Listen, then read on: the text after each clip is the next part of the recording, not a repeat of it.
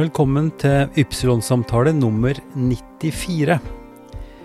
Det er Ivar Flaten som snakker fra Kirkelig dialogsenter i Drammen. Og denne gangen har jeg gleden av å snakke med Rune Bjerkestrand. Rune har bygd opp bedriften Pickle i Drammen.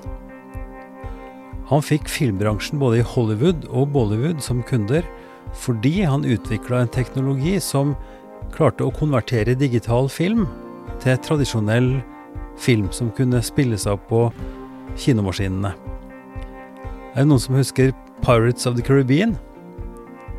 Det er en av filmene som Rune bidro til å få på, på film. Da kinoene etter hvert ble utstyrt med digitalt framvisningsutstyr, tok bedriften en ny retning. Nå er Vatikanbiblioteket og en rekke store arkiver kunder hos Rune og Pikkel. Teknikken brukes til å lagre digitale medier av alle slag på film. Informasjon er dermed lagra sikkert, uten behov for strøm og utenfor hackeres rekkevidde, og uavhengig av skytjenester og serverparker. Vi snakker om dette i en tid der sårbarheten vår blir stadig tydeligere, med krig i Europa og ny urovekkende rapport fra FNs klimapanel, IPCC. Da har jeg gleden av å introdusere til mine lyttere i podkasten Rune Bjerkestrand. Velkommen til studio. Tusen takk. Jeg er spent på å høre litt eh, fra deg nå, fordi eh, vi er i en ganske dramatisk eh, situasjon, vil jeg si. Eh, I og med at vi nå ser hva som skjer i, i Ukraina. Og vi har fått også et eh, meget dystert, eh, meget dyster rapport fra IPCC, fra klimapanelet, i dag, faktisk. Ja. og begge deler har på en, en eller annen interessant og kanskje litt mystisk måte forbindelse med det du driver med, og ditt firma, som heter Pix, Pixel? Nei, pickle. Pickle er det, ja. ikke sant? Pickle. P-i-q-l. P-i-q-l. Og Rett det er ikke sånn pickle som du spiser i sylta, men det er noe litt annet. Fortell om det, Rune. Eh, ja, det er en interessant start, egentlig. Fordi eh, vi eh, etablerte firmaet for 20 år siden. Og da med en gal idé om å lage en maskin for filmbransjen. Og da etablerte vi en firma, og det het Cinovation. Det var Cinema Innovation. Og, for, eh, og, da skulle vi lage en maskin som konverterte digitalt lyd og bilde til 35 mm film for bruk på kino. I det å lage til slutt den kopien som ble brukt på, ble brukt på kinoen ja, en gang ja, for å vise ja, filmen. Ja, fordi at da var det ennå ikke digitale visningssystemer? Nei, da var det 35 mm film som det hadde vært i 100 år før. Et mm. ekstremt varig medium som lagde fine bilder på kino. Mm. Så da lærte vi alt om dette fantastiske mediumet. Bakgrunnen min er digital. Ja. Mm -hmm. Ingeniør i mitt hjerte og økonom i mitt hode, men, men bakgrunnen er jo digital. Hva slags ingeniør? Jeg er ingeniør i reguleringsteknikk, prosesskontroll. Ok. Eh, for folk som ikke har peiling, sånn som jeg Ja, det betyr jo f.eks. å holde kontroll på produksjonsprosesser, produksjon av olje i Nordsjø, Nordsjøen eller industrielle prosesser. Mm -hmm. Styre, kontrollere, monitorere, ja. overvåke, passe på at ting går som det skal. Men hva er linken derfra til, til film og digital eh, media? Jo, jeg var mange år i Kongsberg Gruppen. Mm. Prosjektleder på store olje- og gassrelaterte prosjekter. Og så endte Kongsberg Gruppen opp med å eie en bedrift i Drammen som het Davis. Mm -hmm. som, lagde, som var ledende innenfor å lage digitale video- og dataprojektorer. Pionerbedrift. Eh, gründerbedrift. Og ble produkt- og markedssjef der. Ask LCD, var det en konkurrent? Ja, altså det var liksom, kom fra det samme, faktisk. Det var jo Roar Hansen som var veldig sånn uh, på LCD-display og den type teknologi. Jeg har dratt rundt med sånne plater, skal du fortelle det. Altså, jeg jobba med, med administrasjonsløsninger for folkehøyskoler og hadde kurs rundt omkring. Og ja. da var det store, da kjøpte jeg en sånn symaskinvariant av en Toshiba eh, bærbar ja. med sånn rød skjerm, vet du. Ja, ja, ja. Eh, det kosta meg 44 000 en gangen. Ja. Helt vanvittig. Og så sånne plater som jeg stadig måtte oppdatere, som jeg la oppå overheadprojektoren for å få bilder opp på en skjerm. Ja. Ikke sant? Og dette handler om det samme, det å få altså Projektorer nå, nå, bruker vi bare videokanoner, eller hva? Ja, ja, det var for å få et bilde på veggen. Ja. ja. Mm. Og, og, jeg var der da i Davies, og vi fikk fantastiske bilder på veggen. Men så ble jo det der med sånne video- og dataprojektorer, det ble jo en, eh, en sånn ja, hva heter det på, på, norsk, commodity. Altså det ble en helt vanlig ting som ble veldig ja. lavt prisa etter hvert. Ja. Fordi volumene ble store. Ja. Og da kom jo Japan og Taiwan og Kina på mm. markedet. Da kunne vi ikke konkurrere i Norge. Nei. Så da så vi oss om etter alternative måter å bruke den teknologien og kunnskapen på. Mm. Og en av de tingene vi så, som var jo en idé, det var jo å, å projisere det samme bildet på film. Rett og slett fordi at det var film som var på kino. Ja. Og vi visste jo det at uh, disse kinomaskinene skulle bli digitale etter hvert. Ja. Men så så vi da et sånn tidsvindu på en åtte-ti år som vi tenkte at det kommer til å ta en åtte-ti år for å digitalisere ja. hele den kinoverden. Og nå snakker vi hvilket år? Da snakker vi 2002. Ja. Uh, etablerte vi det firmaet som het Cinevision. Mm. Og vi gjorde da egentlig furore i både Hollywood og Bollywood og klarte å lage en fantastisk maskin som lagde fantastiske bilder på kino.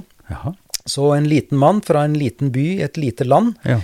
Uten peiling på verken film eller kinoer eller kinomaskiner eller kinoteknologi, klarte da, basert på en veldig innovativ idé, å, å komme inn døra til ja, vil si de store gutta i Hollywood og Bollywood, Ja, ja. og få solgt maskinen. Så dette funka, det, altså? Det funka, og jeg var ikke lite stolt da jeg kunne ta med meg mine to sønner på kino i Drammen og vise de Pirates of Caribbean, laget på pappas maskin i Hollywood. Wow. Det var veldig stas, fordi å komme gjennom nåløyet til Disney og bli valgt fordi at det var så bra bilde, det var uh, veldig stas. Det, dette har gått med hus forbi. Det er pinlig, altså. Ja, Drammen har vært på kartet i mange år i forhold til det. Vi har hatt mye besøk fra kjente filmproduksjonsmiljøer i Ja. både ja, over hele verden, egentlig. Ja. Mm. Men dette, dette var eh, noe som hadde begrensa varighet, skjønner jeg. Ja, det hadde det. Fordi eh, faktisk i, eh, i kinosammenheng så var Norge først ute med å digitalisere de norske kommunale kinoene. Mm. Eh, Trond Giske var jo kulturminister i sin tid, Ja. og han bevilga da et ganske stort beløp, tror jeg 300 millioner, for å digitalisere norske kinoer. Jeg satt som rådgiver i departementet da Trond var statsråd. Der kan du se. Ja. Så da ble Norge digitalisert. Og så kom verden etter da Avatar kom. Ja. Avatar var jo den første store filmen i 3D. Ja. Og det funker ikke så godt med 35 mm film. Det Nei. funker, men det er litt komplisert og dyrt. Så Ja. da ble verden digitalisert i løpet av drøyt et år. For da måtte man, skulle man ha kino. På grunn av den ene suksessen? på grunn av den filmen, og veldig mye som kom i 3D. Ja. Eh, Og da også kom finanskrisa, og så kom skuespillerstreiken i Hollywood, forfatterstreiken, så det var på slutten av av 2009-10 der, så var det veldig mye som skjedde. Så da tenkte vi altså naken Nei, nød lærer naken kvinne å spinne. Mm -hmm. Og vi hadde jo fått en fantastisk kunnskap og innsikt i dette mediumet, mm. denne informasjonsbæreren.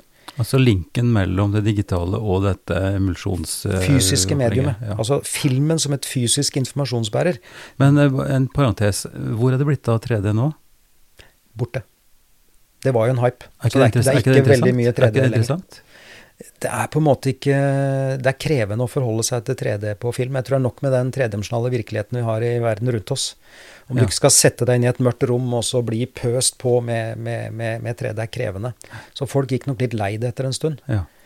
Uh, så nå er ikke det så veldig hot lenger, tror jeg. Nei. uh, men Nei, jeg kan vi ikke huske at jeg, det er lenge siden jeg har sett uh, disse filmene med 3D. Ja eh, Og så var det jo da sånn at uh, Men nøden besto i at dere hadde verdens beste maskin, men kunne ikke brukes til noe særlig lenger. Nei. Altså, vi, vi hadde jo tenkt når vi starta at vi hadde et tidsvindu på åtte til ti år. Ja. Og jeg må jo si at tidsvinduet ble mye, mye lenger. Vi solgte foreløpig den siste maskinen i fjor. Ja. Av, den, av den maskinen for den filmbransjen. For den brukes fortsatt i forhold til å lage arkivkopier av film. ja. Eh, For film er jo et medium som har vært ute der i 100, og, 100 år pluss. Mm, ikke sant? Og det er, både, det er bevist at det kan bære informasjon fra fortid til fremtid. Og du kan jo faktisk finne gamle bilder og filmer som er 60-70-80 år gamle og like bra kvalitet. Teknisk spørsmål, er ikke film veldig brennbart? Det var den gode gamle filmen som du så på Cinema Paradiso, den mm. italienske Mhm. filmen. Der tok jo eh, kinoen fyr. Nei, det var nok den gamle acetatfilmen Ja. Eh, som, eh, som brant, ikke sant. Og ja, det var jo eh, filmer også før det som var veldig enda mer brennbare. Ja. Men så kom jo da polyesterbasen, mm. og den er jo ikke brennbar på samme måte. Så den var jo selvantenn, den gamle, Ja, ja. gamle filmen. Så det er ikke problem. Der har du et, et medium som er bestandig og trygt. Et veldig varig, et veldig robust, et veldig trygt medium. Eh, og vi så jo da muligheten, i og med at bildet på kino, det er jo enorme mengder data som lager dette flotte, store Ja, bildet. ja. Så vi Fordi en, eh, For å gå tilbake til navnet på, på firmaet ditt som jeg uttalte øh, feil, for, det er ikke Pixel, men det er Pickle. Men det ligger jo altså det, eh, Ganske mange nå er jo ikke Alle bruker nå mobilkameraet sitt. Ja. Eh, eh, og, og når vi kjøpte de første digitale kameraene, så var det snakk om oppløsning. Altså Ja. hvor mange piksler. Ja. Og vi som også holder på med bilder på datamaskinen, snakker Ja. om piksler, for det er bildepunkter. Ja. Ikke sant? Så det er hvor mange sånne fargeprikker, på en måte, Ja. lagre disse detaljene, og dess flere piksler Mm. eh, på et bilde, dess større oppløsning, altså dess mer detaljer. Ja. Og dette har også relevans for, for den overføringa, for når dere skulle ha kinofilm fra digitalt og ned på filmmedium, så måtte det ha en ekstrem oppløsning. Ja, da må du ha mange piksler. Ja. Uh, og vi uh, hadde den gangen såkalt 2K-oppløsning, Mm. som var best practice på kino den gangen. Og så kom, i løpet av den levetiden på maskinen, så kom det såkalt 4K. Mm. Og det er blitt standard nå. K er kilo, det er 1000. Ja, kilo er 1000, ja. 4000 piksler. 4000 ganger eh, 2000, så det blir jo 8,8 millioner eh, piksler. 8,8 millioner bildepunkter. Eh, Og da kan du lagre data i de samme bildepunktene. Så det er det vi gjør. Så vi, vi, når vi da gikk fra denne filmbransjen og inn og så på det å kunne istedenfor å skrive disse bildene til film, så tenkte vi kan skrive disse dataene til film. For vi håndterer mye data. Og hva med å, bruke filmen som en informasjonsbærer, en sikker vareinformasjonsbærer, for å lagre digitale data? Og hvis vi kan gjøre, lagre digitale data i form av bilder, så kan vi også lagre lyd, videoer, fotografier, digitaliserte dokumenter osv. Eh, Stopp litt. Fordi eh, vi kjenner jo til informasjonsbæreren på, på biblioteket. Da snakker vi om mikrofilm. Men da er det snakk om at da er det bare rett og slett den samme teknikken. Da er det fotografier av sider som blir lagt på film, og som kan projiseres og, og vises. Men det du snakker om, er noe helt annet. Ja. Men For- mikrofilm Forklar, forklar, forklar det sånn at, eh, at det er forståelig. Ja, altså Du kan tenke deg det at på en mikrofilm, da, og det husker jeg veldig godt når vi skulle kjøpe deler til bilene eh, for 30-40 år siden, Mhm. så måtte du gå i, på, bi, på, på bildelslageret til bilbutikken, og så skulle du ha en, eh, en eh, del til en gammel Ford eh, 73-modell. Mhm. Da gikk det inn på sånne mikrofilmer og mikrofisher. -hmm. Og det du kan gjøre på mikrofilm, er at du kan lagre ting veldig smått. Mhm. Men det som ligger der, er jo et bilde Ja. eller et dokument med tekst. Mhm. Mhm. Så det er en visuell representasjon av informasjon. ja. Og det er jo fint når det er dokumenter og ting som kan visuelt representeres. Mm. Men en spillefilm eller en lydfil, da, mm. hvis du skal lagre denne podkasten, Mhm. så kan ikke den lagres veldig visuelt. Nei. Altså vi kan ta bilde av deg og meg Ja. eh, og sånn, men samtalen den Skal ta bilde av det etterpå. Ja. Så poenget er da at for å kunne lagre dette på film, så må vi konvertere det til noe som er digitalt. Mhm. Og det vi gjorde, var rett og slett å ta I og med at film er et visuelt medium, så tenkte vi la oss lagre det som en QR-kode. Ja. For en QR-kode i, i butikken, en Mhm, prislapp Mm. eller på hylla, eller Nå er det QR-koder overalt. Mm. Det er jo bare noen data. Det er noen få kilobyte med data. Men den peker jo til noe annet igjen. Ja, det kan være en link Ja. til en hjemmeside, eller det kan også være litt tekst. Så det kan godt være en QR-kode hvor det står et veinummer, Ja. eh, Mm. eller det står en kartreferanse, Mm. Mm. eller det står en prislapp. ikke Mm. sant? All Mm. informasjonen ligger der. Mm. Og den QR-koden den er representert av svarte og hvite punkter. Ja. Og da kan du tenke disse pikslene du snakka om. ikke sant? Da bruker vi de pikslene til å lagre de svarte og hvite punktene, og skriver det til film.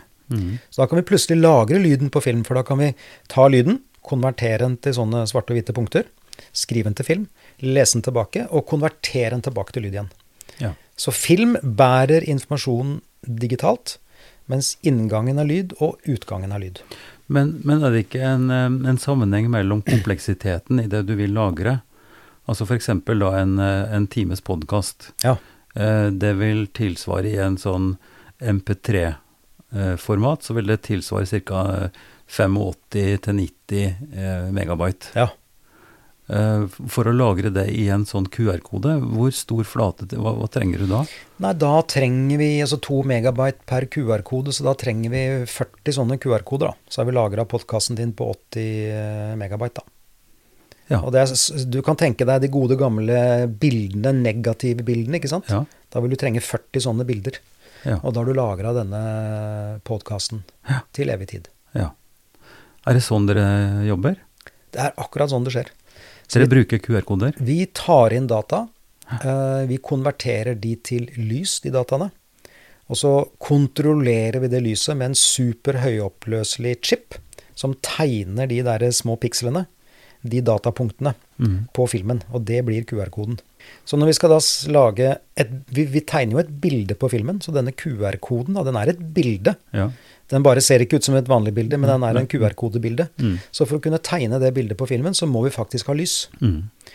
Så vi opererer og kontrollerer lys på fotonnivå for å tegne noen små mikroskopiske piksler, hvor hver piksler kan inneholde ganske mye data. Mm. For det er ikke bare svart og hvitt, men det er også gråskala. Nå blir dette veldig teknisk. Jo, eh, og derfor så skal vi ta et sånn skikkelig magedrag, og så skal vi ikke snakke mer teknikk. Men jeg blir jo nysgjerrig på, på deg, da. Altså eh, Rune, eh, du kommer fra et sted. Hvor er det hen? Ja, jeg må jo si jeg er Drammensgutt. Mm -hmm. eh, oppvokst på Åsia, men faktisk født uh, på Nordmøre. Jaha. Født på uh, Bjerkestrand, mm -hmm. på øya Frei utafor Kristiansund. Ja. Så der kommer navnet fra. Nettopp. Ja. Og vokste opp her i Drammen? Vokste opp her i Drammen fra fire-femårsalderen. Ja. Vært Åsia Ramp. Mm. Fotball? Kon nei, ikke fotball. Håndball. Konfirmert i Åsia kjerke. Ja. Fantastisk fin tid på Åsia. Uh, mye røvere der. Hva var det som gjorde at du begynte å tenke uh, og skulle nærme deg å bli ingeniør og det tekniske? Alltid vært glad i å skru ting fra hverandre. Ja. Mm. og fikle med ting. Ja. Biler? Og, og, ja, mekke bil, mekke motorer, elektronikk, ikke sant. Du er nysgjerrig, utforsker. eh, hva er det som er inni her, da? Hva mm. er det som gjør at denne radioen eh, ikke sant? Når du var eh, ung og hadde reiseradio under dyna og hørte på Radio Luxembourg, hva mm. er det virkelig som gjør at det kommer lyd her? Mm. Da skrur du opp radioen og finner ut hva som er inni der. Og så er det ikke alltid du får med alle delene tilbake igjen, så du lærer av det også. Så det er på en måte å ta fra hverandre, sette sammen, feile. Mm. Mye, mye med hender, og på en måte måtte tenke og, og, lure litt. Det tror jeg er en fin bakgrunn for å være litt nysgjerrig, da. Eh, jeg hørte en veldig fascinerende serie på, på P2 som jeg hører mye på. Men der var det en hel serie som handler om, om, hvordan vi utvikler oss, og hvordan hjernen, hvorfor vi har så svær hjerne. Ja. Og der var det en teori som gikk på at det er fordi at når jeg begynte å gå på to, og fikk frigjort hendene, ja. og begynne å jobbe med hendene, med ja. finmotorikken, ja. og at, at, læring og, og, utvikling faktisk handler om at vi manipulerer med ting. Ja.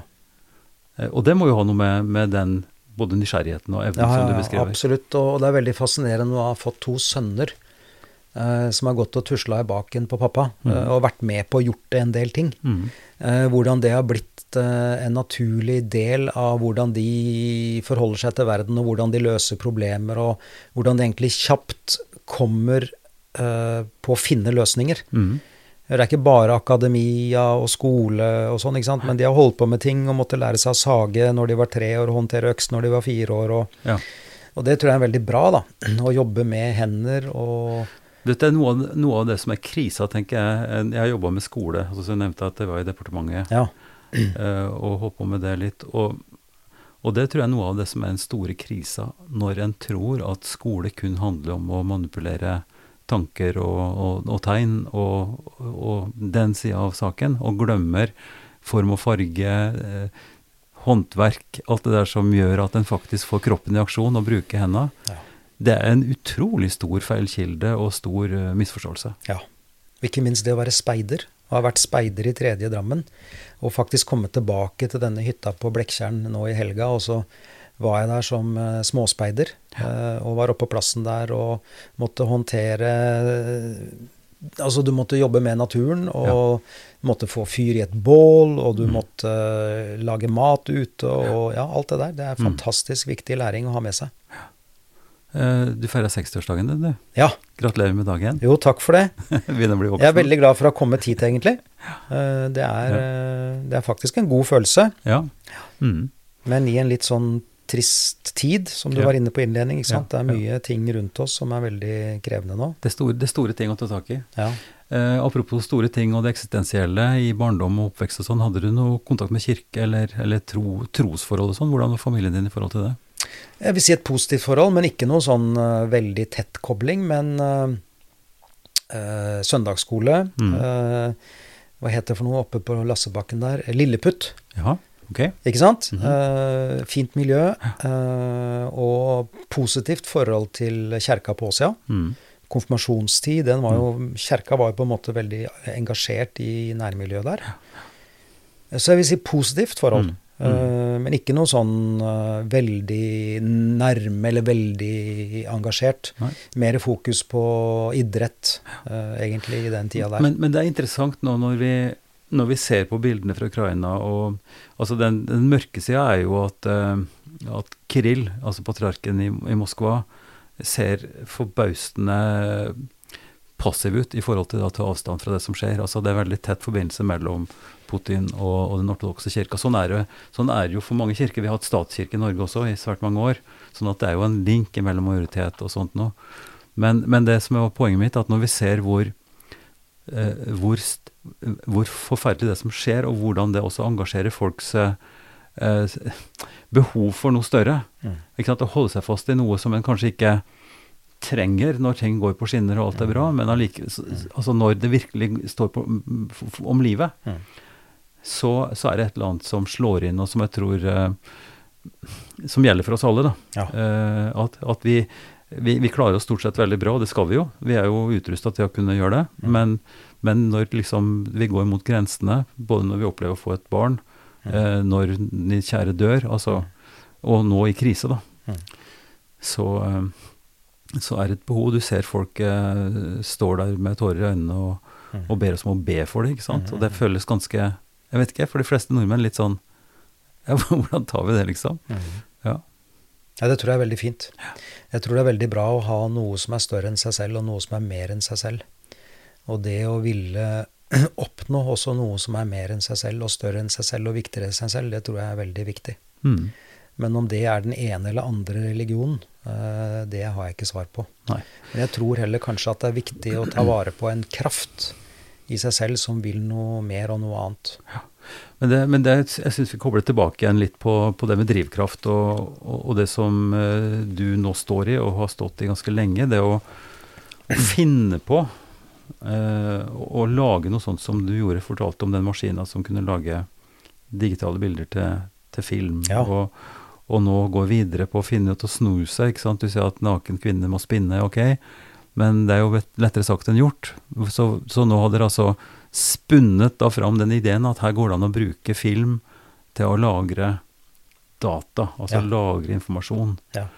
Uh, før vi starta opp her, så, så, reflekterte jeg litt stort og historisk igjen på, på folkevandringstida som skjedde jo på 400-tallet, med store store konflikter i Europa, mm. hvor klostrene ble en slags uh, en slags redningsplanke, eller noe redning for, for skrift, for, for, eh, skal vi si, eh, for sivilisasjon, for tanker, filosofi, teologi, eh, teknologi også. Mm.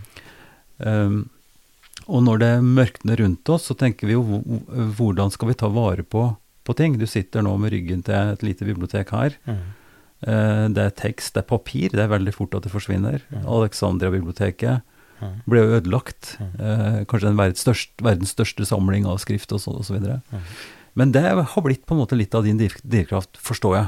Det å ta vare på, på, på kunnskap, på, på informasjon, mm. på en sikker måte, slik at det faktisk kan finnes igjen mm. seinere, hvis det skulle være folk som er nysgjerrig på hva som skjedde i, ja. i verden før. ja. ja, fortell om det. Nei, for I denne tida her, da, så er det jo snakk om at alt skal digitaliseres. Alt skal være tilgjengelig. Eh, og alt skal kunne konsumeres. Og det er veldig sånn i øyeblikket. Og det er tilgang til informasjon, det er tilgang til tjenester. Eh, og det er jo fint og flott eh, på én måte, selv om det blir et enormt tempo og et enormt forbruk uten refleksjon. da du drives fra den ene appen til den andre, og fra det ene sosiale mediet til det andre. Så jeg tror folk burde ta seg litt mer tid og sette seg litt ned og reflektere litt mer over øyeblikket. Mm. og ikke la seg drive nest, videre til neste tweet eller uh, neste posting. Uh, spesielt politikere føler jeg burde ta et større ansvar. Altså, de er jo ekstremt kommersielle i, i det å være politikere.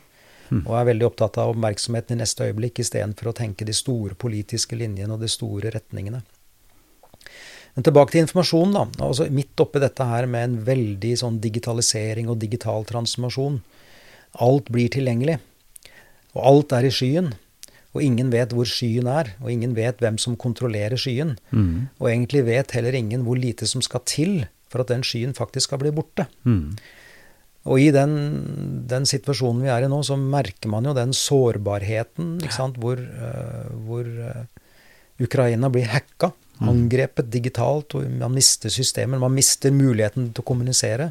Så man ser hvor ekstremt sårbar man er i en digital verden. Du har et konkret eksempel. Du har en samarbeidspartner i i Ukraina? Ja, vi har jo faktisk, og det er veldig veldig trist, eh, vi har Oleksander. Han har jobba for oss i mange år. En, en frittstående konsulent som har jobba for oss i mange år, og som nå er drevet på flukt. Mm.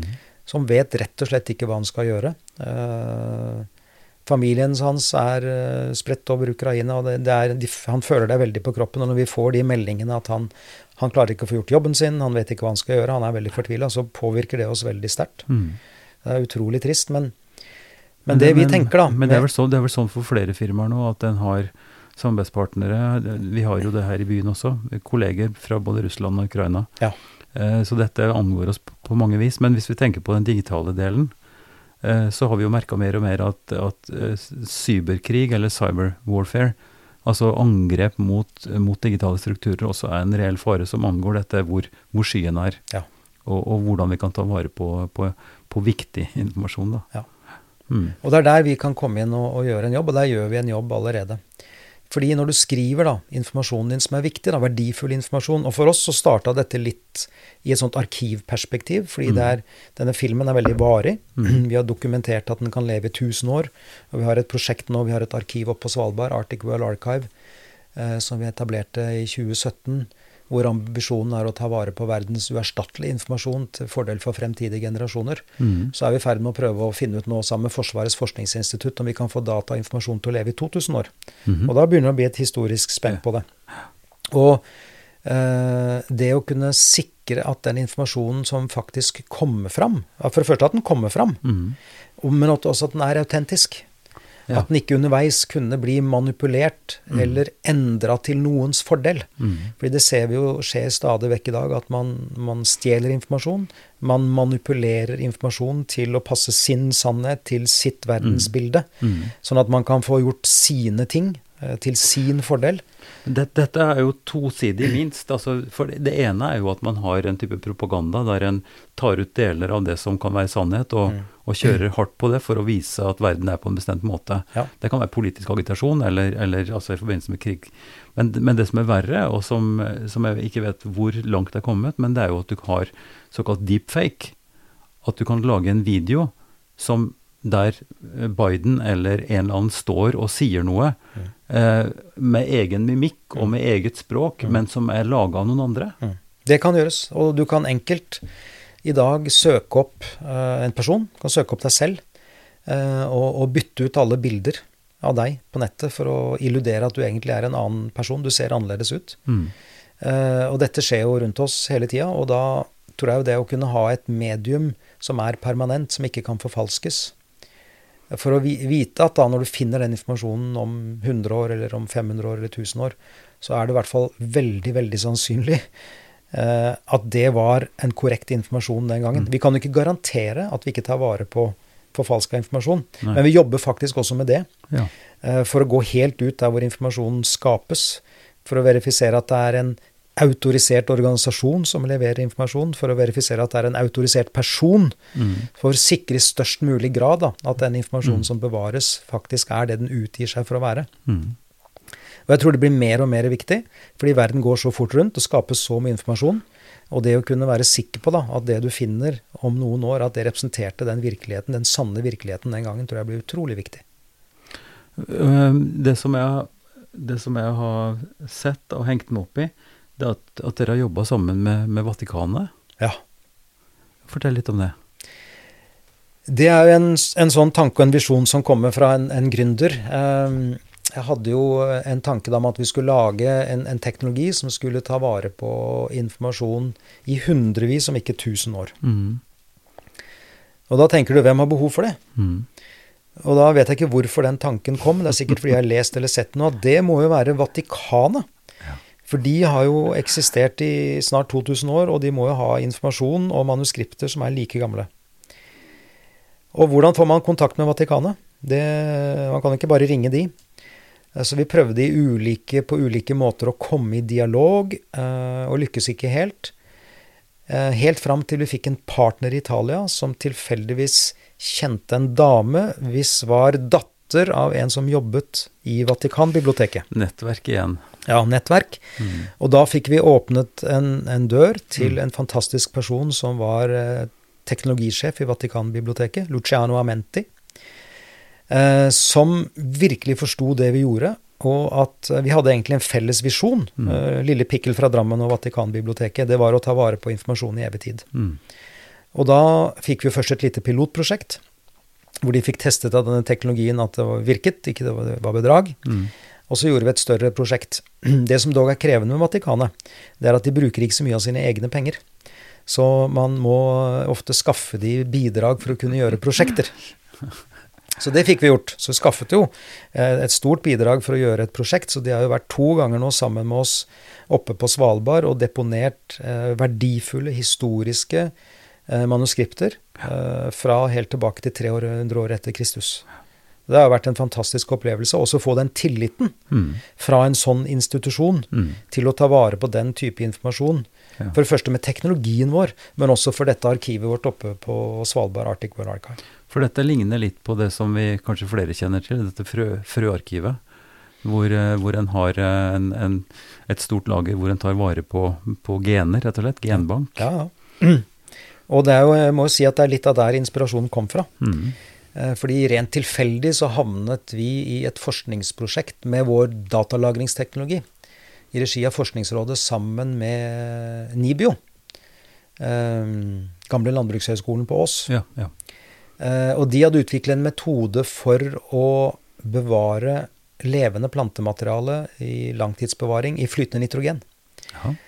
Eh, for å kunne effektivt ta vare på genetisk levende planter mm. på et lite areal over tid. Mm.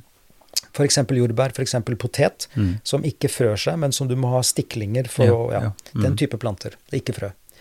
Og da tenkte vi hoi, da kan jo vi utvikle vår teknologi sånn at den kan da, denne filmen, da, vi kan skrive ned informasjon om plantene, genetisk kode, alt som du trenger, sammen og lagre dette nede i flytende nitrogen sammen med plantene. Så vi utviklet da en teknologi for det. Og da lærte vi om dette frøhvelvet, for det er jo å ta vare på frø. Ja, det er litt annet ja, perspektiv, ja, det er frø. Mm. Og da tenkte jo en, en gründer igjen fra Drammen hm, hvis man kan ta vare på verdens viktigste frø for sikker matforsyning i framtiden, hvorfor kan man ikke da også på Svalbard ta vare på verdens viktigste informasjon mm. for å kunne ha den sikkert tilgjengelig i framtida? Og det var en idé. Og da tenkte vi hvor kan vi lagre denne informasjonen? Det må jo være i noen hvelv. Og hvem er det som har hvelv på Svalbard? Det er jo Store Norske Spitsbergen Kullkompani som har drevet eh, mm. gruvedrift der i 100 mm. år pluss. Mm. Så da tok vi kontakt med de, og så hadde vi jo da denne ideen. Det tok litt tid før de skjønte eh, logikken. Men eh, etter tre kvart års bearbeiding så fikk vi faktisk gjort da et initiativ å åpne dette arkivet våren 2017 med de første kundene fra Brasils nasjonalarkiv, Mexicos nasjonalarkiv og kommuneinstitusjonenes digitale ressurssenter i Trondheim som tar vare på kommunale arkiver. Det ble de tre første kundene, og da begynte snøballen å rulle.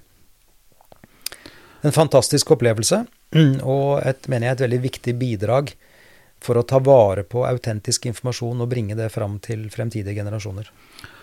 Det, det er jo utrolig spennende. Eh, og så stiller det stiller seg opp automatisk en hel haug med spørsmål som, som, uh, som, det er interessant å bare ta en sånn harelabb på. Men gitt den informasjonsflommen og de ekstreme datalagringssystemene vi har nå på digitale data, mm. Eh, datasentralene, mm. Uh, som, som, nå en forsøker å bygge ut, og som har altså svære haller med maskiner som står og lager masse varme. Det er kjølesystemer, mm. det er en CO2-avtrykk som er mye mye større enn all flytrafikk til sammen. Mm. Eh, så det er jo liksom avtrykket, men hvis du tenker på det som ligger inni der, alt det som da flyter, altså som, som multipliseres og som, mm. som, blir større og større fra dag til dag, og som mm. er helt ekstremt, mm. hvordan i all verden skille skitt og kanel og snørr og bart? Ja. Hva er det vi skal ta vare på? Hva, hva slags kriterium Mm. Vil en som Altså, du er du, du, du, jobber som gründer og som idémaker, men mm. hva slags råd av vise er det du har rundt deg som mm. sier at hør, Rune, mm. nå skal vi satse på det, mm. og det er viktig. Altså en litt, er det litterær kanon? Er det verdens teologiske skrifter? Mm. Eh, er det en bestemt eh, profet som har rett? Altså, ikke sant? Du sitter i en ganske svær skvis der, gjør du ikke det? Jo, men vi har ikke tatt på oss jobben med å være kuratorer for hva som verden syns er viktig. Nei, men spørsmålet må være der. Det, det, det er vanskelig. Men, men, det vi gjør, er at vi er veldig klare på at det som eh, skal lagres, ikke skal være noe som bryter noen lov. Det skal ikke bryte gjeldende internasjonal lov, og det skal ikke bryte gjeldende norsk lov. Det er veldig viktig for oss. Mm. Men å si at det som én har sagt, kontra en annen har sagt, er mer berettiget å ta vare på, den jobben skal ikke vi gjøre. Nei, Men du er på sporet etter en sånn tanke når, når, når assosiasjonen din går til til Vatikanbiblioteket. Ja. Eh, hvor du har en type kanon eller en type eh, verdifull litterær arv eller teologisk arv, ja. så må det være tilsvarende parallelle spor, altså ut i verdenslitteraturen eller ut i filosofien eller altså eh, Har du tenkt tanken på å ha et sånt, eh, et sånt eh, konsortium av kuratorer som skal gi innspill til dette. Men dette er jo økonomisk, og hvem vil betale ja, for det? Men, men vi har det jo på en måte egentlig for de som typisk er kunder, i hvert fall så langt. Det er jo seriøse institusjoner som har den type eh, ressurser og kompetanse. Type nasjonalarkiv, nasjonalbibliotek, mm. nasjonalmuseum, mm. private jeg vil kalle det memory, altså minneinstitusjoner. Mm. Så det sitter jo veldig mye kompetanse som gjør den type kuratering. Ja. Som er, som før, det kommer til oss. Som er kunder av dere? Som er kunder, mm. ja. ja. Så vi, vi, gjør ikke noe utvalg av informasjon Nei. fra vår side.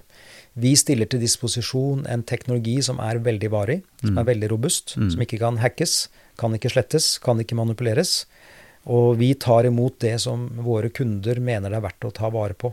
Mm. Ja. Det er utrolig fascinerende. Det er rollen vi uh, tar. Og dette, dette har altså da utvikla seg og, og, skjedd etter at dere konverterte ideen fra eh, digital film til kinofilm. Og så har det blitt altså en, en, bevaringsmetodikk for, for, for, data og informasjon ja. som da lagres i et Altså Hvis en skulle nå f.eks. Det verste skulle skje, at du fikk ødelagt vesentlige deler av av biblioteket i Vatikanet. Mm. Hvordan skulle de få tingene sine tilbake? Hvordan kan det reprosesseres, eller, eller hvordan finner du den sikkerhetskopien? Ja, ikke sant? Og Når det da ligger oppe i Svalbard der, så er det verdt å nevne også da med, med vår teknologi, for den krever ingen strøm. Altså vår teknologi er passiv. Ja. Så når du først har skrevet, skrevet den, ja. så trenger du ikke datasenter eller kjøling nei, eller nei. server eller å drive flytte dataene rundt. Det er, det er permanent. Ja. Eh, så det er verdt å ta med. Men hvis da Vatikanbiblioteket da mister sine manuskripter, det skulle være en brann eller noe katastrofalt som skjer Det, det skjedde jo nå i Sør-Afrika. Ikke sant? I universitetet, universitetet i, i, Cape Town, det ikke det? som nettopp hadde en svær brann, hvor det brant mye, mye ja. materiale. Ja. Ikke sant? For de ja. ville jo det vært eh, Ja, altså, og så videre. Ja, og Nasjonalmuseet i Brasil brant jo ned til grunnen. Um, så hvis man tenker seg litt om, så er det egentlig ganske smart å digitalisere og ta vare på ting. Fordi man er også, også, også dette med, Tilbake til dette med klima, da. Mm. Klimatrusselen mm. er jo også en trussel for å oppbevare fysisk informasjon. Mm. Fordi flom, brann, ja. eh, naturkatastrofer er en trussel for type fysiske biblioteker og papirer. Mm. Og man har jo hatt arkivarer og arkiv, og man tenker seg Vatikanbiblioteket og Vatikanets hemmelige arkiv er jo institusjoner hvor det er hyller med organisert mm. struktur, med, mm. med, papir, kataloger, mm. arkiv, ikke sant? Mm. Og det er en metode. Mm. Mens det er ikke den samme metode i den digitale verden. Nei. Eh, det er det vi prøver å, å, bringe til torgs. Det er jo da en metode for å organisere og strukturere informasjon og ta vare på det over tid i sin digitale form. Mm. Og så har vi dette hvelvet på Svalbard som er et, et, et unik eh, ting på toppen av det hele. Men teknologien i seg selv kan jo brukes eh, Du kan jo lagre dine podkaster på vår teknologi mm. og oppbevare det her. Mm.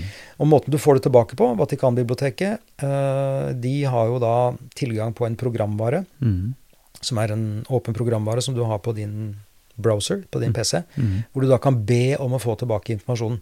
Og da går det rett og slett en mann inn i hvelvet og henter denne pikkelfilmen Mm. og setter den på en leser. Mm. Og den leseren finner ut at dette er et manuskript til Vatikanet, det skal de ha tilbake. Leser det, konverterer QR-koden tilbake til et bilde eller en bok eller en, et PDF-dokument, og så laster man det opp, og så får man det tilbake. Men i verste tilfelle så kanskje ikke det fins noe digital infrastruktur. Da må man jo rett og slett sende det fysisk tilbake på en, en harddisk til kunden, hvis man skulle se en verden hvor den digitale infrastrukturen er borte og nettet er borte. Men det fins jo alltid måter å få ting tilbake på. Mm. Ja. Nei, fordi eh, Sånn er det vel sikkert med flere av oss, men, eh, men jeg har jo nå eh, etter hvert, da Jeg er jo antageligvis ekstremt konservativ, men, men jeg elsker å ha en bok i hånda. Ja. eh, Og lese mye. Ja.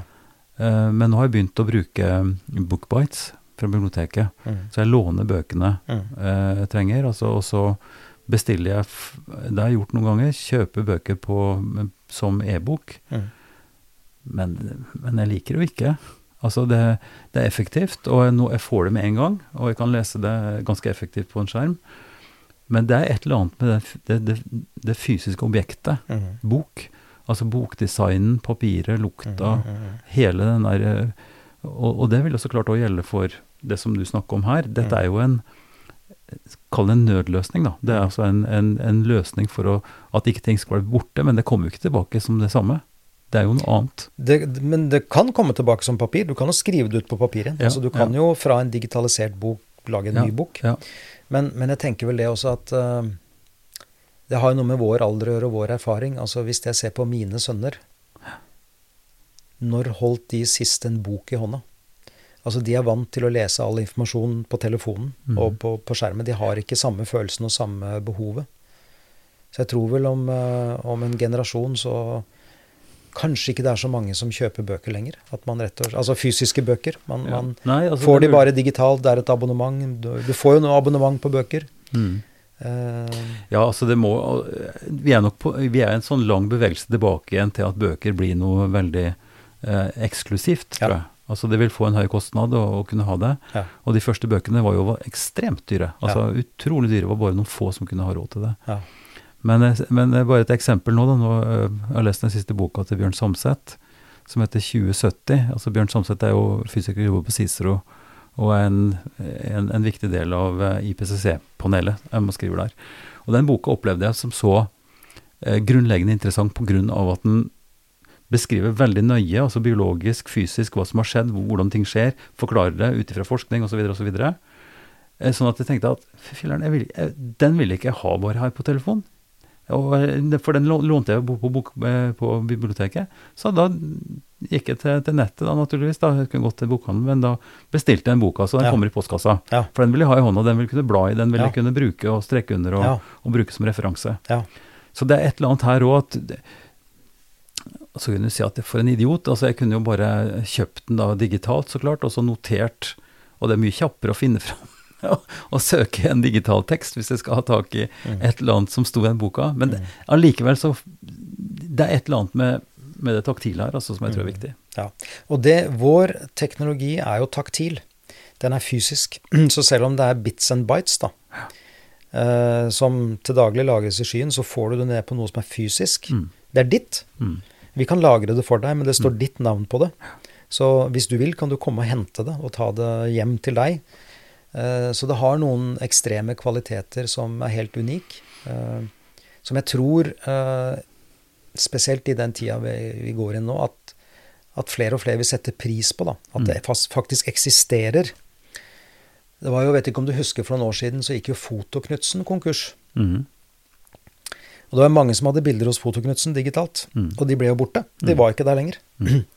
Så det var jo noen som da dro til Fotoknutsens kontor i Bergen og ville inn i kontoret og si jeg vil ha tilbake bryllupsbildene mine. Mm. Men Fotoknutsen i Bergen de hadde jo ikke noen servere. De leide jo bare en skytjeneste. Mm. Eh, og Fotoknutsen hadde jo ikke klart å betale regningene sine. Så den skytjenesten var jo bare slått av. Ja. Og man hadde jo slutta å ta backuper osv. Så, videre, ikke sant? så det ble jo en omstendelig prosess. Og mange fikk jo igjen Mm. de fleste av bildene sine, Mm. men mye ble også tapt. Mm. Så det viser jo egentlig hvor stor risiko det er når man bare har digitale tjenester som man kjøper et sted som man tenker er solid, men så er det bare videresolgt fra noen andre. Mm. Så man egentlig hvor disse dataene ligger, mm. det vet man egentlig ikke. Nei. Og man vet heller ikke egentlig hvem som har kontroll til det, fordi du, du skriver under kontrakter hvor det kanskje står at disse bildene har vi fri rett til å benytte i andre sammenhenger. Hvis du skal gi et råd, da. Nå, nå nærmer vi oss eh, slutten på samtalen. Tida går skikkelig fort. Veldig interessant å snakke med deg, Rune. Men eh, hvis du skal gi et råd til meg og til andre eh, på hvordan vi skal håndtere dette, den digitale mm. virkeligheten vår. Mm. Vi blir mast huden full av dobbel autentisering, at vi skal ha sikkerhet. Nå ser vi at vi er sårbare, ikke sant. Mm. Ting kan gå ned. Du som fagperson på dette her, vi kan ikke drive Skal vi kjøpe noe film fra deg, eller hvordan gjør vi det? Eh, jeg tror det aller viktigste er at vi tenker igjennom hva som er viktig for oss, altså som bedriftsleder f.eks. At du tenker igjen hvilken informasjon, hvilke systemer er det som er viktig for meg hvis jeg blir malt opp i et hjørne. Hvis jeg sitter der en dag og alle internett er nede, systemene er hacka, jeg har blitt utsatt for ransomware med en million dollar mm. bare for å åpne det opp, hva, hva gjør jeg da? Hvilke systemer trenger jeg da for å kunne komme opp og stå, for å kunne få folk tilbake på jobben, sånn at de kan begynne å jobbe? Mm. Jeg tror det første skrittet jeg ville gjort, og tenkt gjennom hva er virkelig viktig. Og så ville jeg tenkt, ut, tenkt at det der må jeg sørge for å ta godt vare på. Mm. Hvor jeg har tilgang til det selv, at jeg vet at jeg kan få tak i den informasjonen. I stor grad uavhengig av uh, leverandører som ikke jeg vet hvor er. Mm. Hvor jeg kan få tak i det. Mm. Det tror jeg er viktig. Uavhengig av internett?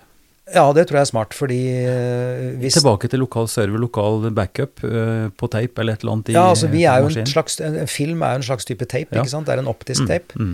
Noe som er robust, uh, noe som tåler å bli utsatt for diverse ting, men som er der allikevel. Mm. Det tror jeg ville tenkt på. Det gjelder jo også private, altså viktige bilder, viktige dokumenter for en privatperson. ikke sant? Virkelig tenke gjennom først og fremst. Mm. Og så tenke gjennom hvordan, hvordan vil jeg lagre dette her på en måte som gjør at jeg virkelig kan stole på at jeg får det tilbake. Mm. Selv når jeg er malt opp i et hjørne i en krisesituasjon. Mm. Eh, jeg starta min karriere på data med sånne åtte og en kvart toms floppies. Ja. Kjøpte første jobben, så fikk jeg kjøpt en 10 megabytes harddisk ja. i en maskin med 256 K. Ja eh, fargeskjerm, RGB eh, og en skriver. Ja. Eh, hva kosta dette, tror du? I eh, dette snakk om i ja, når kunne det ha vært da? Det var i 83, tenker jeg. Det kosta 40 000. 60. 60 000, ja. De gutta tjente utrolig mye penger, eh, og vi satt der med hva satt vi med programvare? Vi satt med en basic-perm ja. og MS-DOS. Ja. Ingenting annet. Nei. Og det kosta 60 000 kroner. Ja en offensiv sjef som tenkte at dette er sikkert interessant, men altså Svaret er data, men hva er spørsmålet? ikke sant? Hva, ja, ja. Og vi har kommet langt derfra, og ja. nå har vi blitt helt avhengig av det. Nå har vi altså en mangedobbel kraft i telefonene våre. Uh, men hva skjer den dagen uh, nettet ramler ned, og, og, det digitale ikke funker lenger? Ja, og hva skjer den dagen nettet er borte, og du ikke har penger til å betale med? Det syns jeg er et stort samfunnsmessig problem som man burde virkelig ta på alvor. Fordi man ser jo det at uh, når det virkelig kniper, så står folk i køen på minibanken. Mm. Man får ikke gjort betalinger på nettet, og man trenger fysiske penger. Hvordan skal et samfunn takle det? Mm. Med det spørsmålet, som vi kan tenke over i stillhet hver for oss, så sier jeg mange takk for at du ville komme og reflektere. Lykke til videre. Det blir veldig spennende å følge videre eh, hvordan dette går. Eh, ikke bare med deg og ditt firma, men jeg tenker verden som helhet. Ja, vi får er... Eh, holde fast i det som er verdifullt, og, og, holde motet oppe og se hva vi kan bidra med hver enkelt. Takk for det. Vi holder motet oppe, og, vi mot oppe, og vi skal helt klart bidra. Takk skal du ha. Open this gate. Nordmenn tror på Gud, Tear down Allah, this wall. alt og ingenting. Da er vi kommet til baptistmenigheten i Drammen i presentasjon av DHTL-medlemmer. Og jeg har gleden av å snakke med Nils Fredrik. Hei Nils Fredrik, har du det bra i dag? God dag, Ivar. Ja, det er en god dag. Torsdag er en dag vi begynner i badstua på elva, og da blir dagen bra. Ellers så må jeg jo si at det store bildet er ganske dramatisk. Vi våkna i dag til til invasjon i Ukraina. sånn at det er jo ikke noen god dag for dialog, for å si det sånn. Nei, det er helt sikkert. Og vi, vi, ehm, har en sak i, i kirken faktisk knytta til akkurat det der. Vi har en som eh, var medlem hos oss for noen år siden, som flyttet hjem til Ukraina. Og vi har jo kontakt med henne og familien, så um, på sett og vis så har vi det litt sånn tett på og vurderer hvordan vi kan hjelpe dem best. Ellers er vi jo enige om at det store verdensbildet det får vi gjort ganske lite med, men at vi har en, eh, en visjon og en tanke om at vi faktisk kan få gjort eh, noe her, her hos oss i Drammen. Og, og, starte med badstue, det høres bra ut for å få energi til å ta fatt. Men eh, fortell meg litt, Nils Fredrik. Baptistkirka i Drammen, hva er den korte historien der? Veldig kort historie er at menigheten har eksistert siden 1905, kirken siden 1907. Så vi er da sånn type 115 år eller noe i den stilen. Ehm, vi er ca. 250 medlemmer med smått og stort. 113 døpte aktive medlemmer per i dag. Eh, kirken ligger på eh, Strømsø torv, like ved ehm, Globusgården og undergangen til, til eh, Marienlystparken. Mm. Ehm, der har den alltid vært ser ut som en kirke, så det er lett å, lett å se. um, vi tilhører Det norske baptistsamfunn, som da har menigheter stort sett over hele landet. Drøyt 100 medlemmer, eller 100 menigheter. Og så er vi en del av uh, e e Europeisk baptistføderasjon og Baptist World Alliance. da. Mm. mm. Men det store bildet er at det er en del av uh, den veldig mangslungne bevegelsen som kom ut fra Luther eh, ja. på 1500-tallet, og at det er en slags det er en protestantisk eh, evangelisk kirke, ikke sant? Ja, det stemmer. Vi, noen av oss liker å trekke linjene helt tilbake til 1530-tallet. Men det sies at det er ikke helt ubrutt lenke helt dit. Det vi ser som mer ubrutt, det er fra 1609 og opp. Hva, hva, skjedde, hva skjedde 1609? Det er første baptistmenighet eh, etablert i Amsterdam. Ja. Akkurat. Av, eh, Akkurat. av engelskmenn som flyktet til Nederland for, eh, for å få mer religionsfrihet. De som hører på den podkasten er jo litt forskjellig orientert om, om religiøse forhold og, og, ulike varianter. Kan du ikke si veldig kort igjen, hva er det typiske for en baptist, til forskjell for f.eks. For Den norske kirke eller, eller, metodistene, som vi nettopp har snakka med? Ja. Det mest synlige er måten vi uh, gjennomfører dåp på. Vi døper når folk er uh, gamle nok, bevisst nok til å velge det selv. Og det betyr at, at man ikke døper helt små barn, da, naturlig nok. Mm. Um, og så er dåpsformen uh, annerledes. Vi døper med full neddykkelse, ikke bare med litt vann på hodet. Uh, det betyr at vi har et uh, dåpsbasseng i kirken, helt fremst i kirken. Hvor man kommer ned i det fra, fra siden. En prest fra den ene siden og dåpskandidat fra den andre. I, mm. gjerne i, i, en sånn nærmest en sånn prestekjole, da. Den er ikke sånn helt, mm. men likevel. Hvit kjole. Og så gjennomgår man et kort ritual der med en bekreftelse på at man tror på Jesus Kristus som sin herre og frelser og trener Gud. Og så blir man døpt med full nedrykkelse. Mm. Og, og, med det så blir man også uh, tatt opp som medlem i den lokale menigheten hvor man blir døpt som regel. Ja. Så den formen for dåp er forskjellig. Eh, og, og, trosinnholdet, da? Er det noe som du kan si er typisk baptistisk, eller er det en Altså, vi snakker jo om mhm. de store linjene å være ganske like. Det kan ikke være så enkelt å liksom se disse forskjellene. Kan du si det på en enkel måte, eller er det vanskelig? Um, kanskje begge deler. Ja, det er litt ja. vanskelig. Men, mm. men um, det vi ofte holder frem, det er allment prestedømme, og at uh, enhver uh, som er medlem i, i menigheten, eller som en del av fellesskapet, kan høre fra Gud og da har på en måte en, både en rett og en plikt til å bringe det videre og si at uh, dette, dette, tror jeg. Uh, men så tror vi også stort, i, i, ganske stor grad på fellesskapet. At vi må, vi må, bringe tingene inn til fellesskapet, og så finner vi ut i fellesskap. Hva er det Gud prøver å, å si oss? Mm. I vår menighet så har vi visjonen 'ledet av Gud, preget av omsorg, med plass for alle'. Og det er, Jeg sa det sist nå på årsmøtet forrige helg, at det er jo en visjon som eh, er umulig å oppfylle en gang for alle, men som vi opplever at vi til en viss grad uh, oppfyller, og, og mm. samtidig har noe å strekke oss etter. Så det å, å, mm. å leve etter den, det er på en måte en, en forpliktelse for oss alle. Ja, Dette kunne vi snakka mye om, men det rekker vi ikke nå. Uh, Nils Fredrik, si litt om uh, din rolle som menighetsrådsleder. Hva, hva, går den jobben ut på?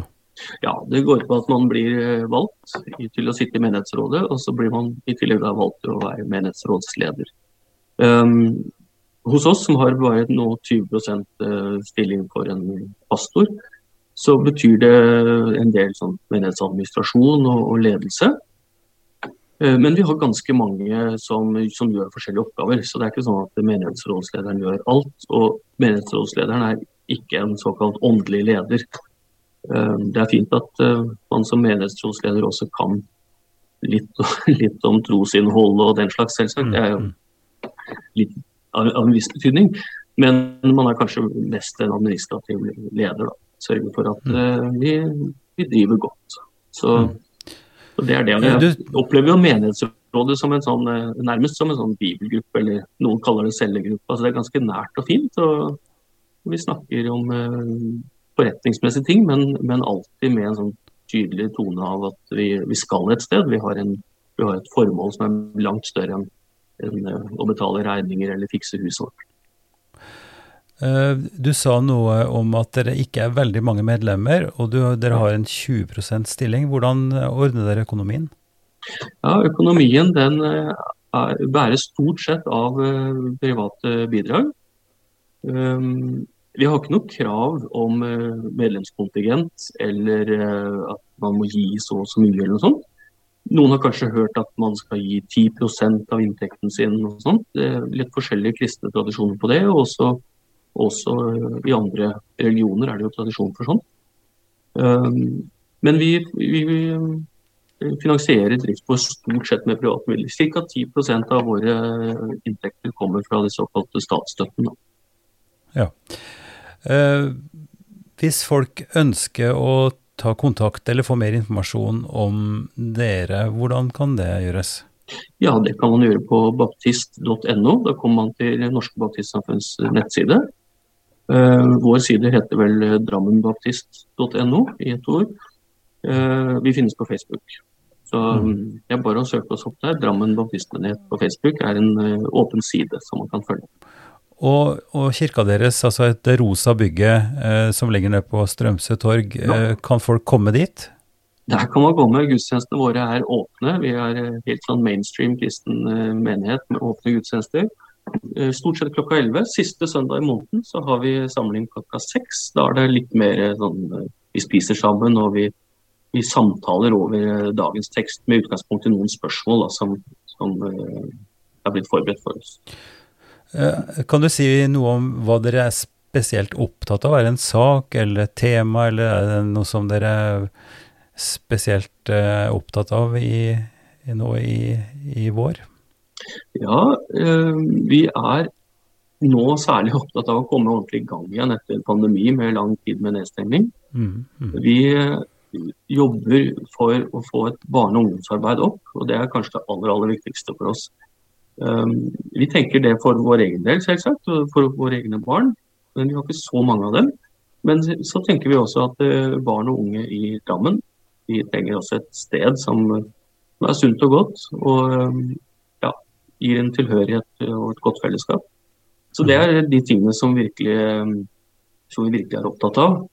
Uh, og så er vi opptatt av at, at uh, ja, vi har en livsmestringsgruppe som er relativt okay. hos oss.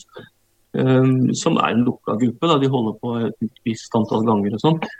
Men, men, det er et uttrykk for at vi er opptatt av å, å på en måte konkretisere evangeliet og gjøre det på en måte sånn konkret nyttig for folk i hverdagen. Ja, ja. Vi kommer til å kjøre en ny gruppe til høsten. Ja. Uh, vi har ikke så lang tid, som sagt, men du må fortelle litt om hva er motivasjonen for eh, Baptistkirka til å være med i DHTL? For der har dere vært med ganske lenge. Mm. Jeg tror vi har vært med fra start. Mm. Og da var ikke jeg med i Baptistmenigheten i Drammen, så jeg var ikke med på å gjøre noen vurderinger for eller mot det. Jeg tror ikke det var så store vurderinger heller. Det er en naturlig del, en naturlig forlengelse av vårt felles felleskristelige engasjement. Vi har jo hatt godt samarbeid med, med alle de kristne kirkene i Drammen gjennom uh, veldig mange år.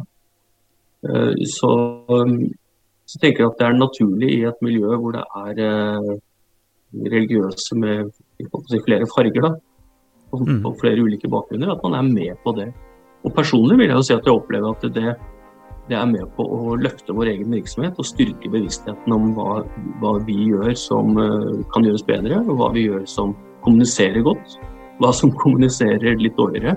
Um, ja, og, og, sånn helt personlig så kjenner jeg jo at det utfordrer min egen tro på en, på en sunn måte. Nils Fredrik, takk for praten og lykke til videre. Takk for det. Hvis du har lyst til å høre flere samtaler, så kan du slå opp på www.ypsilonsamtaler.no. Der er det en oversikt med små filmer, litt tekst og altså den timeslange samtalen. Noen av de er også direktesendte, og kan du se hele samtalen som film. Ypsilon-samtaler er støtta av, eh, av Drammen kommune gjennom IMDi-midler. Vi er også støtta av Barne- og familiedepartementet og Einar Juels legat. Vi er veldig glad for tilbakemelding, og hvis du har forslag til samtalepartnere her, eller temaer for den del, så vær snill å skrive en mail til Ivar krøllalfa kirkeligdialogsenter.no.